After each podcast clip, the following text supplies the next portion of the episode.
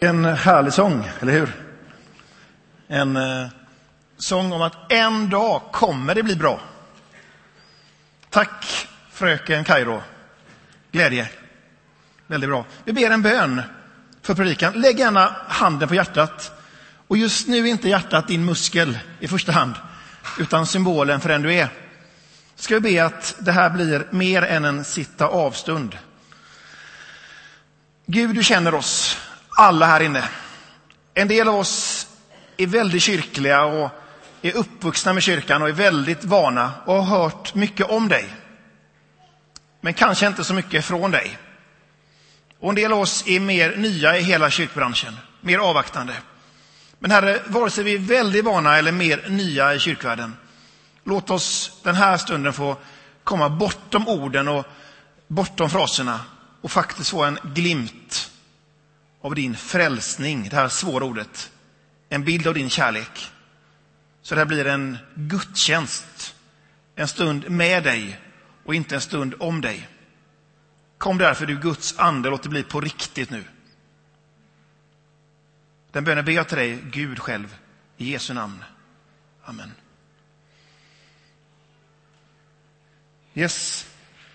Jag mötte så många sköna människor här.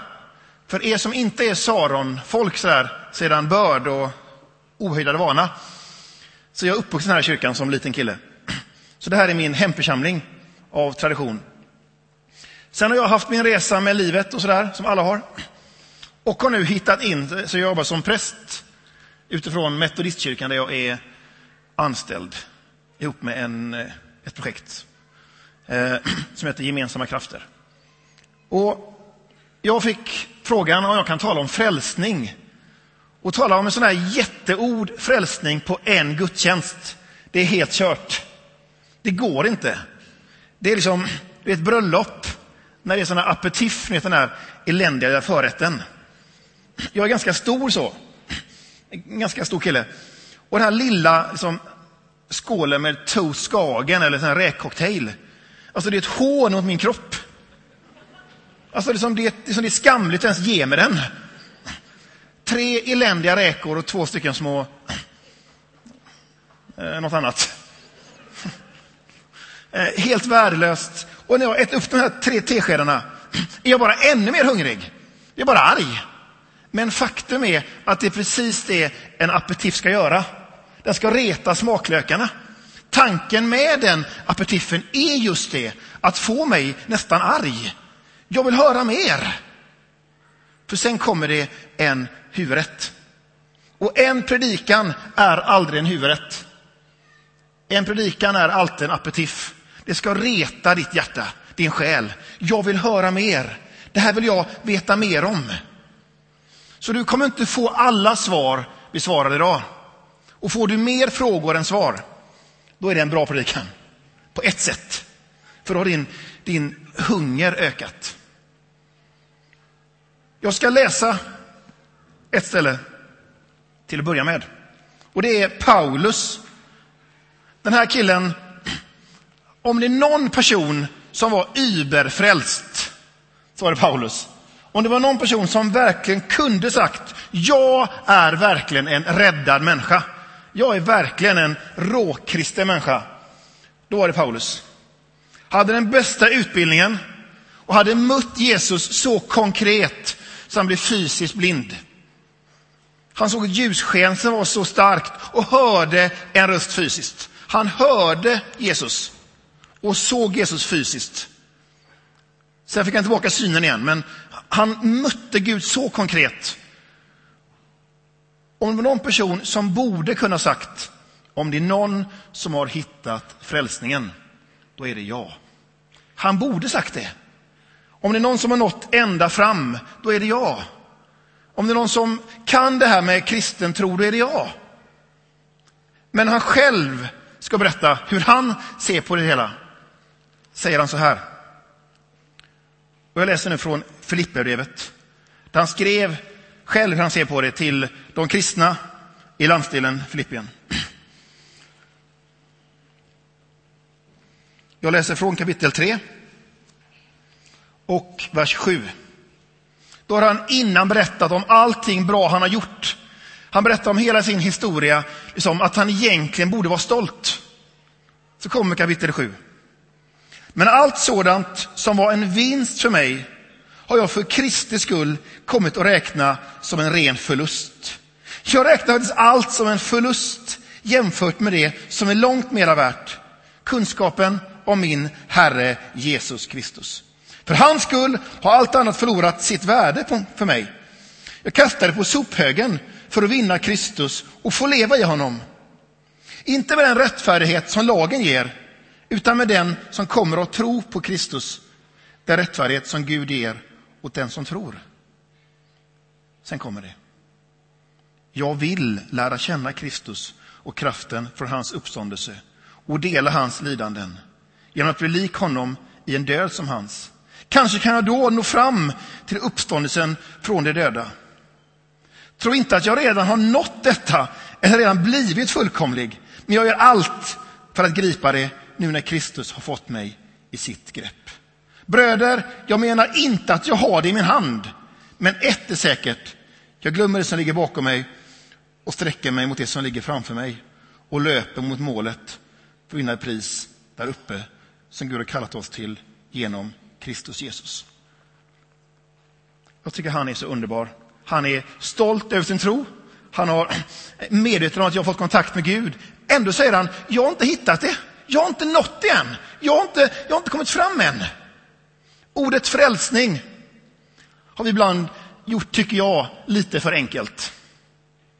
Klassiskt väckelsemöte, upp med en hand. Vill du bli frälst? Ja, det vill jag. Och handen åker upp. Det är inte slutstationen. Det är porten in. Det är inte målet. Frälsning är en, det är en resa som börjar faktiskt innan du ens hör om Gud. Börjar resan. Guds nåd finns i hela världen. Jesus, var någonstans föddes han? Föddes han i en kyrka? Nej. I en krubba, antingen i en grotta eller i ett stall. Därom bråkar forskarna. Var någonstans växte han upp?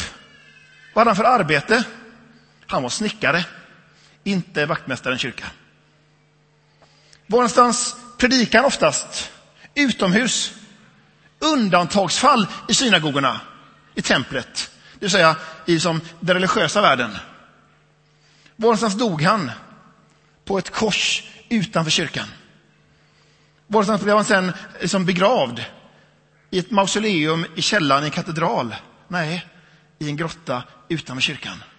När han sen lämnade jorden, det var det på ett berg utanför kyrkan. Fatta piken. Jesus är inte bara kyrkfolkets frälsare. Han är hela världens herre. Hela världens herre. Hör nu. Kyrkan har inte patent på Jesus. Vet du det? Kyrkan har inte patent på Jesus, men Jesus har patent på kyrkan. Kyrkan tillhör honom, men Jesus är större än kyrkan. Och jag är så glad för det. Annars hade Jesus varit en väldigt liten Jesus, eller hur? En väldigt smal Jesus. En väldigt trångsynt Jesus ibland. Och framförallt en Jesus som inte alla människor kan möta. En kille i Bibeln, Sackaios, han var inte Guds bästa barn. Han var inte det. Han var kort till växten och hade förmodligen ganska mycket attityd. Kanske för att typ kompensera det. Sådär, jobbig kille. De killarna möter jag i Göteborg på nätterna. Mitt arbete som gatupräst. Killar med stiletten i bakfickan. Och jag har blivit hotad med kniv mer än en gång. Jag vet en sak. Jag säger du, jag är präst. Du ligger inte bra till hos din herre om du skulle rispa mig. Bara, bara så du vet det. Är du präst? Ja, förlåt då prästen. Någonstans finns det hos de flesta människor någon form av Guds respekt. Fast man inte känner sig hemma i kyrkans värld, alltid, har man någon form av Guds respekt inom sig. För människan är skapad till Guds avbild. Det ligger någonstans inom oss en liksom visshet om det finns en högre makt det är klart jag vill ligga som bra till hos honom, inte vara mot honom eller henne. För Gud är inte en man såklart. Och sån här kille var Sakaios. Han levde fel. Och han hade ett liksom dubbelliv. Ett liv men dubbelt. Han jobbade som tull då åt romarna. Det vill säga han var förrädare, jobbade åt ockupationsmakten. Man tog både som upp tull till, till romarna och till sig själv. En peng till romarna, en peng till mig. En peng till romarna. Och han blev ganska förmögen med åren. En rik man. Pengarna var svarta pengar, det var blodspengar. Både för att hans jobb var att han jobbade åt ockupationsmakten, så hans lön var i samhällets ögon blodspengar. Sen var det svarta pengar utöver det. Men någonstans inne i Sakaios fanns det en liten kille som finns i dig. En liten tjej som kände, tänk om Gud ändå tycker om en sån som mig. Så när Jesus var på väg in i hans stad, då fick han en idé. Tänk om Jesus ändå kan tycka om en sån som mig. Så han hittade ett träd. Motsvarande här, kanske höjd. Vem vet? Jag var inte där. Klättrade upp i ett träd. Och har som, du vet kortegen i Göteborg, på Valborg. Samma känsla. Massa folk. Och är man kort i växten, då ser man inte. Då måste man upp på någonting. En väntkur eller något annat mindre lagligt. Det händer varje år. Så Kajus gick upp och hade liksom beräknat banan för Jesus-positionen. Och då händer då det är spännande. Jag älskar den här händelsen. När Jesus står mitt under trädet, då ser Jesus upp på Sakaios och säger Sackaios, kom ner, idag är det party hemma hos dig. Han är så underbar. Jesus känner honom vid namn. Han säger ditt namn den här söndagen. Markus, jag vill in i ditt liv. Jag vill, jag, vill liksom, jag vill ge party i ditt liv. Jag vill öka din glädje. Jag vill hjälpa dig. Men du kan inte bjuda, bjuda hem dig själv. Liksom. Jag gjorde det just. Ja, men det, det är typ jag som bjuder in dig. Nej, jag bjuder in mig själv. Hur vet du mitt namn? Jag vet allt om dig. Jag vet att du innerst inne inte alls vill jobba åt ockupationsmakten. Jag vet att du innerst inne inte alls vill vara egoistisk. Jag vet det. Jag kan tänka mig att han blir lite stressad, Sakaios, när han ringer hem på sin mobil och säger till sin fru, vi ska ha besök ikväll. Vem kommer då? Ja, Jesus. Hur många till då? Alltså, det är svårt att säga. Han har tolv lärjungar män plus kvinnorna. Ibland har han 72 stycken som, som hangarounds runt om och ibland 500 till. Så mellan 20 och 500 sådär. När jag jobbade här i kyrkan som ungdomsledare i min ungdom så fyllde jag år. Jag tror jag fyllde 24 om jag minns rätt. Och då hade det varit sån här som eh, årsmöte här i kyrkan. Och det var min födelsedag. Så jag ringer hem till min fru. Charlotte, jag tar med några av ungdomarna hem här på fest. Hur många blir ni då? Blir det blir några stycken. Då hade vi en lägenhet på 62 kvadrat. Jag tror att alla ungdomar hängde på. Om jag minns rätt var vi 76 stycken i vår lilla lägenhet. Jag lovar er, min fru kände inte bara glädje. Hon kände stress som värdinna liksom. För det var liksom mycket bön för att få glassen att räcka sådär va. Så han ringde hem då. Och först tror hon att det är skämt. Sakaios, Jesus, han är profet, han är helig man. Vill han umgås med dig? Ja, han kunde mitt namn. Han sa att vi skulle ha fest. Tror du han vill liksom umgås med dig? Ja, han ville det. Det finns en vers här tyvärr, som tar bort all glädje i hela berättelsen. En jobbig vers. Så här lyder den. Men alla andra mumlade förargat. Hur kan Jesus ta, ta, ta in hos Sakaios? Han är ju en syndare. Hör nu, det finns någonting märkligt hos oss människor. Nu är jag jätterak här nu. När det kommer till kritan blir inte vi alltid glada att Guds nåd, Guds kärlek gäller alla människor. Det är inte det. Någonstans, men inte han. Han måste bli lite bättre människa först. Inte kan Gud tycka om honom. Inte kan Gud liksom, låta henne vara med.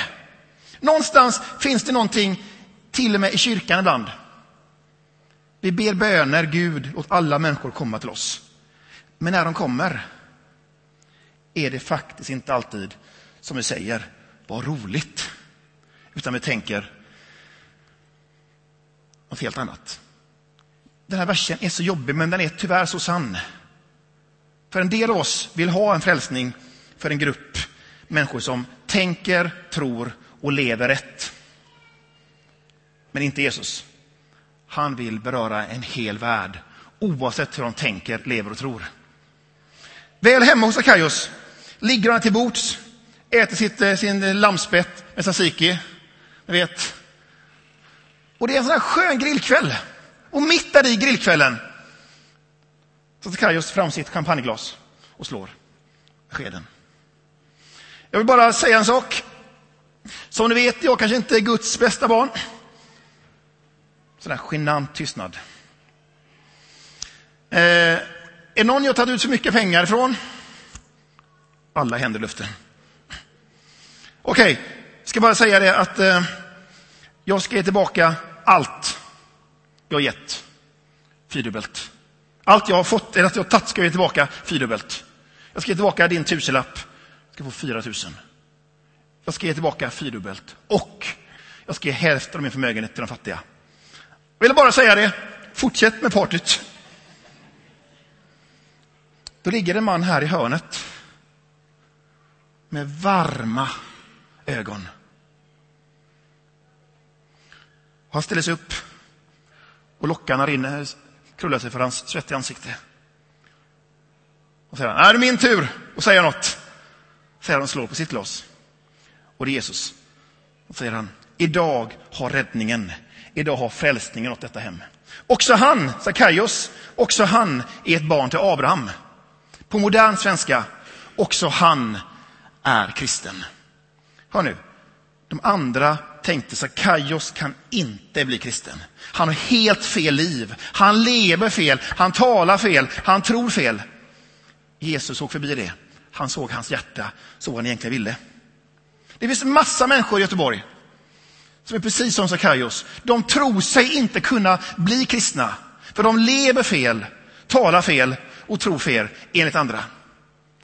Men där inne finns det en liten pojke som säger Gud, om du finns och kan älska en sån människa som mig, så här är jag.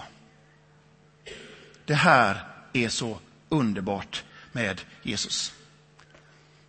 Hör nu. Sakaios kom som han var till Jesus. Och i mötet med Jesus, där skedde förändringen. Så fort vi vänder på det, då upphör kyrkan vara kyrka. Då upphör kristen tro vara kristen tro. Jag behöver inte först förändras för att komma till tro. Tre stycken ord. I kyrkan, där finner jag tron. Och följden blir förändring. En bit om frälsning. Jag måste inte först förändras för att hitta tron och komma in i målet, kyrkan. Kyrkan är inte målet. Kyrkan är platsen där man finner tron. Eller hur? Det är platsen där man möts som man är. Samma Paulus säger följande. Av nåd är ni frälsta genom tron, inte av er själva. Guds gåva är det. Det beror inte på gärningar. Ingen ska kunna berömma sig. Det är hans verk, skapar genom Jesus Kristus till att göra de goda gärningar som Gud från början har bestämt oss till. Visst är det skönt, tycker jag? Jag är inte mer speciell än någon annan. Ja, men du är ju präst. Ja, och du är slaktare. Du är lastbilschaufför, du är lärare. Alltså, nej, du och jag är människor som har fått bli skapade av Gud. Vi har fått gåvan livet. Vi har fått gåvan livet. Men till och med mer än det. Vi har fått en möjlighet att få kontakt med vår skapare. Frälsning är en process som börjar med att Gud finns i samhället, i Sverige, i Göteborg, i Linnéstaden, där du bor, eller vart du bor. Gud finns överallt. Och någonstans blir du medveten om att det finns nog en Gud. Du börjar be dina böner till Gud och någonstans kommer det här ögonblicket då du ber din egen bön mer konkret. Gud, nu tror inte jag bara för mamma tror. Nu tror jag själv. Eller min väninna som tog med mig till Saronkyrkan, hon är råtroende, det fattar jag. Men jag är också lite så här troende faktiskt. Någonstans ber du din egen bön, där det blir din tro. Men det är inte slutstationen. Det börjar med att Gud älskar dig fast du inte vet om det. Det är frälsningen. Att du fattar ett beslut, det är också frälsningen. Att du blir med dig själv, det är också frälsningen. Och en dag, som vi sjunger om i salmen när vi tog upp kollekt, härligt sången då ska brusa. En dag i himlen slipper vi en värld som drar ner oss. Slipper vi allt som förstör vårt hjärta. Då blir vi fullt ut frälsta, räddade från oss själva och från ondskan. Så frälsningen är vägen vi går på. Och kristna tron, när man kommer till tro, det är dörren in för att få en egen tro. Men det är inte slutstationen. Om någon finns här idag som aldrig har bett den här bönen själv.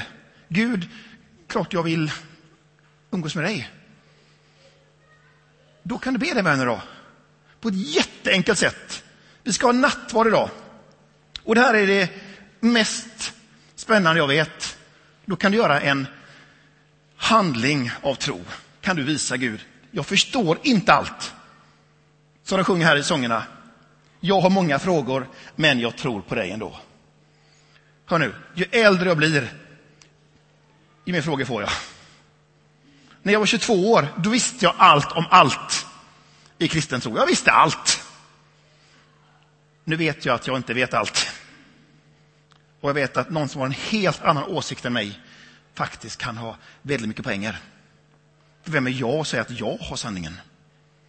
Som kristen följer inte jag tio punkter. Jag följer en person. Mycket mer dynamiskt, mycket mer spännande och mycket mer skrämmande. För min tro är inte regler. Min tro är en person. Och när jag håller mig nära min skapare, nära min Gud, då blir jag mer och mer frälst. Mer och mer mig själv, mer och mer äkta. Sakaios bjöd in sig själv. Jesus bjöd in sig själv hos Sakaios ska det vara. Han bjöd in sig själv. Lyssna här nu. Gud tar inte ber om ursäkt för att han finns. Jesus tar inte och säger så här. Om någon är emot alla odds, förmodligen är det inte så, men om någon ändå skulle vilja prata lite tro, finns jag efteråt i hörnet. Jag ska inte störa, men jag finns där i hörnet om någon vill prata Gud med mig. Så gör inte Jesus. Han säger, idag ska jag hem till dig och det är party. Idag ska jag in i ett liv, idag ska ditt liv förändras. Jag vill bli en del av ditt liv, jag vill vara en del av ditt hjärta. Jesus är aktiv. Han bjuder in sig själv. Gud har bara en svaghet. Gud har en jättesvaghet. Är det någon som vet vad Guds svaghet är? Åtminstone enligt mig. Det är att hans innersta väsen är kärlek. Och kärlek kan aldrig tvinga. För då upphör det vara kärlek. Därför är det så att det går faktiskt att missa partyt. Det går på något sätt att säga, jag vill inte ha det här. Varför ser världen ut som den gör? Jag har inga svar. Och bara frågor. Men ett delsvar, ett haltande delsvar, men ändå delsvar, är att affärsvärldens mest korrupta krafter tvingar på. Egypten och i hela den delen av världen har haft en tradition att någon har bestämt, så här gör vi. Ibland bra beslut, jättebra beslut, ibland mindre lämpliga beslut, där någon bestämmer, en diktator. Så gör inte Gud. För kärlek kan inte tvinga, kan bara locka och erbjuda. Därför är inte världen som Gud vill ha den. För kärlek tvingar inte. Kärlek lockar. Men när kärleken drabbar en människa, då händer någonting. Till sist. Moder Teresa, som är känd av alla tror jag. I alla fall till namnet. Liten albansk nunna. Jag tror hon var 1,49 innan hon blev kutryggig. Typ 1,27 när hon dog. Hon kom till Calcutta och såg två jättebehov i Indien. De spetälska fick ingen vård alls, de var utstötta. Det var det ena. Och andra var alla fattiga barn. Så hon gick runt där och funderade på vem är det som, är det någon här i stan som har pengar, som har makt? Och det var det en tyghandlare, en hindu. Han hade mycket pengar och mycket makt. Så hon bokade tid och han bokade av. Ny tid, han bokade av. Efter mycket om och men fick hon en kvart med honom. Hon går fram och han sitter på sin tron i sitt palats. Och kollar på henne med förakt och säger Varför tror du att jag som en hinduisk man vill möta en kristen missionär som dessutom är kvinna? Visst är det en bra öppning? tar fram sin hand och säger Vad har du att ge till de spetälska i din stad? Då spottar han henne i handflatan. En snorloska. Då gör han så här. Jag tar ditt saliv till mitt hjärta. Detta var vad du gav Teresa. Nu frågar jag igen. Vad har du att ge till spetälska i din stad? Tar de andra handen. Och han börjar gråta. Kärleken i, i hennes ögon och hennes osjälviska agerande gjorde att han, han började storgråta. Sen med ledningen för hela hennes organisation. En hindu blev hennes största fans. Han stod bakom henne, peppade henne, stöttade henne. Och jag vet inte om han har tagit emot Jesu inbjudan för att komma in i ditt liv, det vet inte jag. Men jag vet att Calcutta blev till en bättre plats genom att hon tog ut handen och kärleken faktiskt besegrar hans hårdhet. Så det finns en väg framåt. Och Jesu väg är att älska sina fiender. Det är att be för dem som följer den och göra gott emot allt och alla.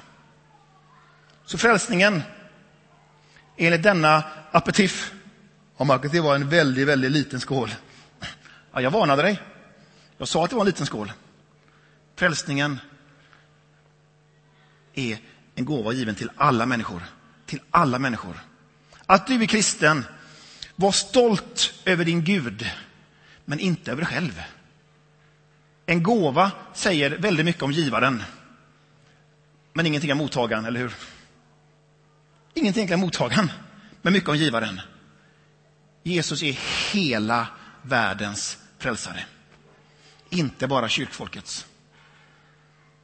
Och Sakaios var inte en kyrkmänniska, men han var i Jesu ögon en kandidat som blev en kyrkmänniska. Vi tar och ber tillsammans. Herre, tack att du älskar alla människor lika mycket. Tack att du älskar alla människor lika mycket, Gud. Hur vi än lever, vad vi än gör och vad vi än tror. Och Herre, den som förstår dömer inte, heter det. Herre, du vet varför en del av oss gör saker. Ibland saker som är avskyvärda. Det är varför vi ibland tror saker som är helt uppåt väggarna fel. Varför ibland säger saker med vår mun som är så elaka, som förstör så mycket.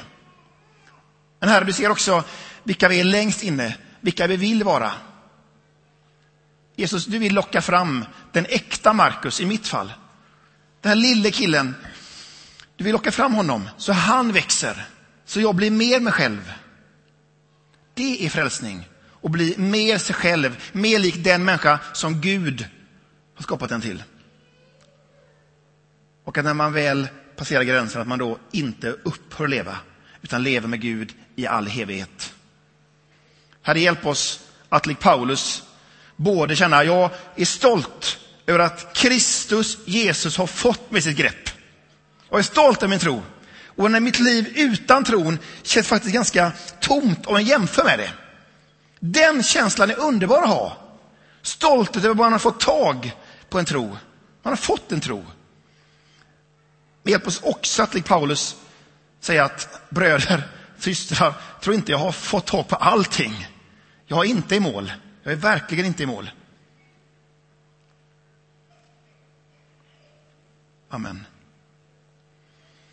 Vi ska eh, lyssna på en sång nu som, eh, som jag har beställt. Eh, och eh, det är en låt med U2. I still haven't found what I'm looking for. När jag var 22 år, som jag nämnde, 23, tyckte det var en väldigt dålig låt. Hur kan man som kristen sångare säga att man inte har hittat fram? Men han sjunger, jag tror att Jesus tog min skuld. Jag tror det. Jag har upplevt kärleken från en kvinna djupt i hjärtat. Jag har upplevt det goda i livet. Jag tror på en ny himmel och ny jord. Jag tror på himlen. Men så länge det är på jorden är jag inte nöjd. Jag har fortfarande inte nått fram till hela frälsningen. För det är en process. Så den här låten på något sätt får, får bli en slags summa summarum av predikan. Och jag hoppas att du, vare sig du är råkristen, väldigt, väldigt troende, känner att oj, kanske jag inte hittat allt. Kanske är det dags att börja söka tron och äkthet lite mer, för du är inte i mål. Och är du inte van vid tron, van i kyrkans värld, tänk att du kan gå härifrån och bysta upp dig med rak rygg och känna, wow, jag är kristen. Vad än folk säger, jag är kristen, för jag tror på Jesus och jag tog emot nattvarden. Jag är inte B-kristen. Jag är kristen fullt ut. Jag är en Sakaios. Andra som är på Sakaios, men inte Jesus. Varsågoda.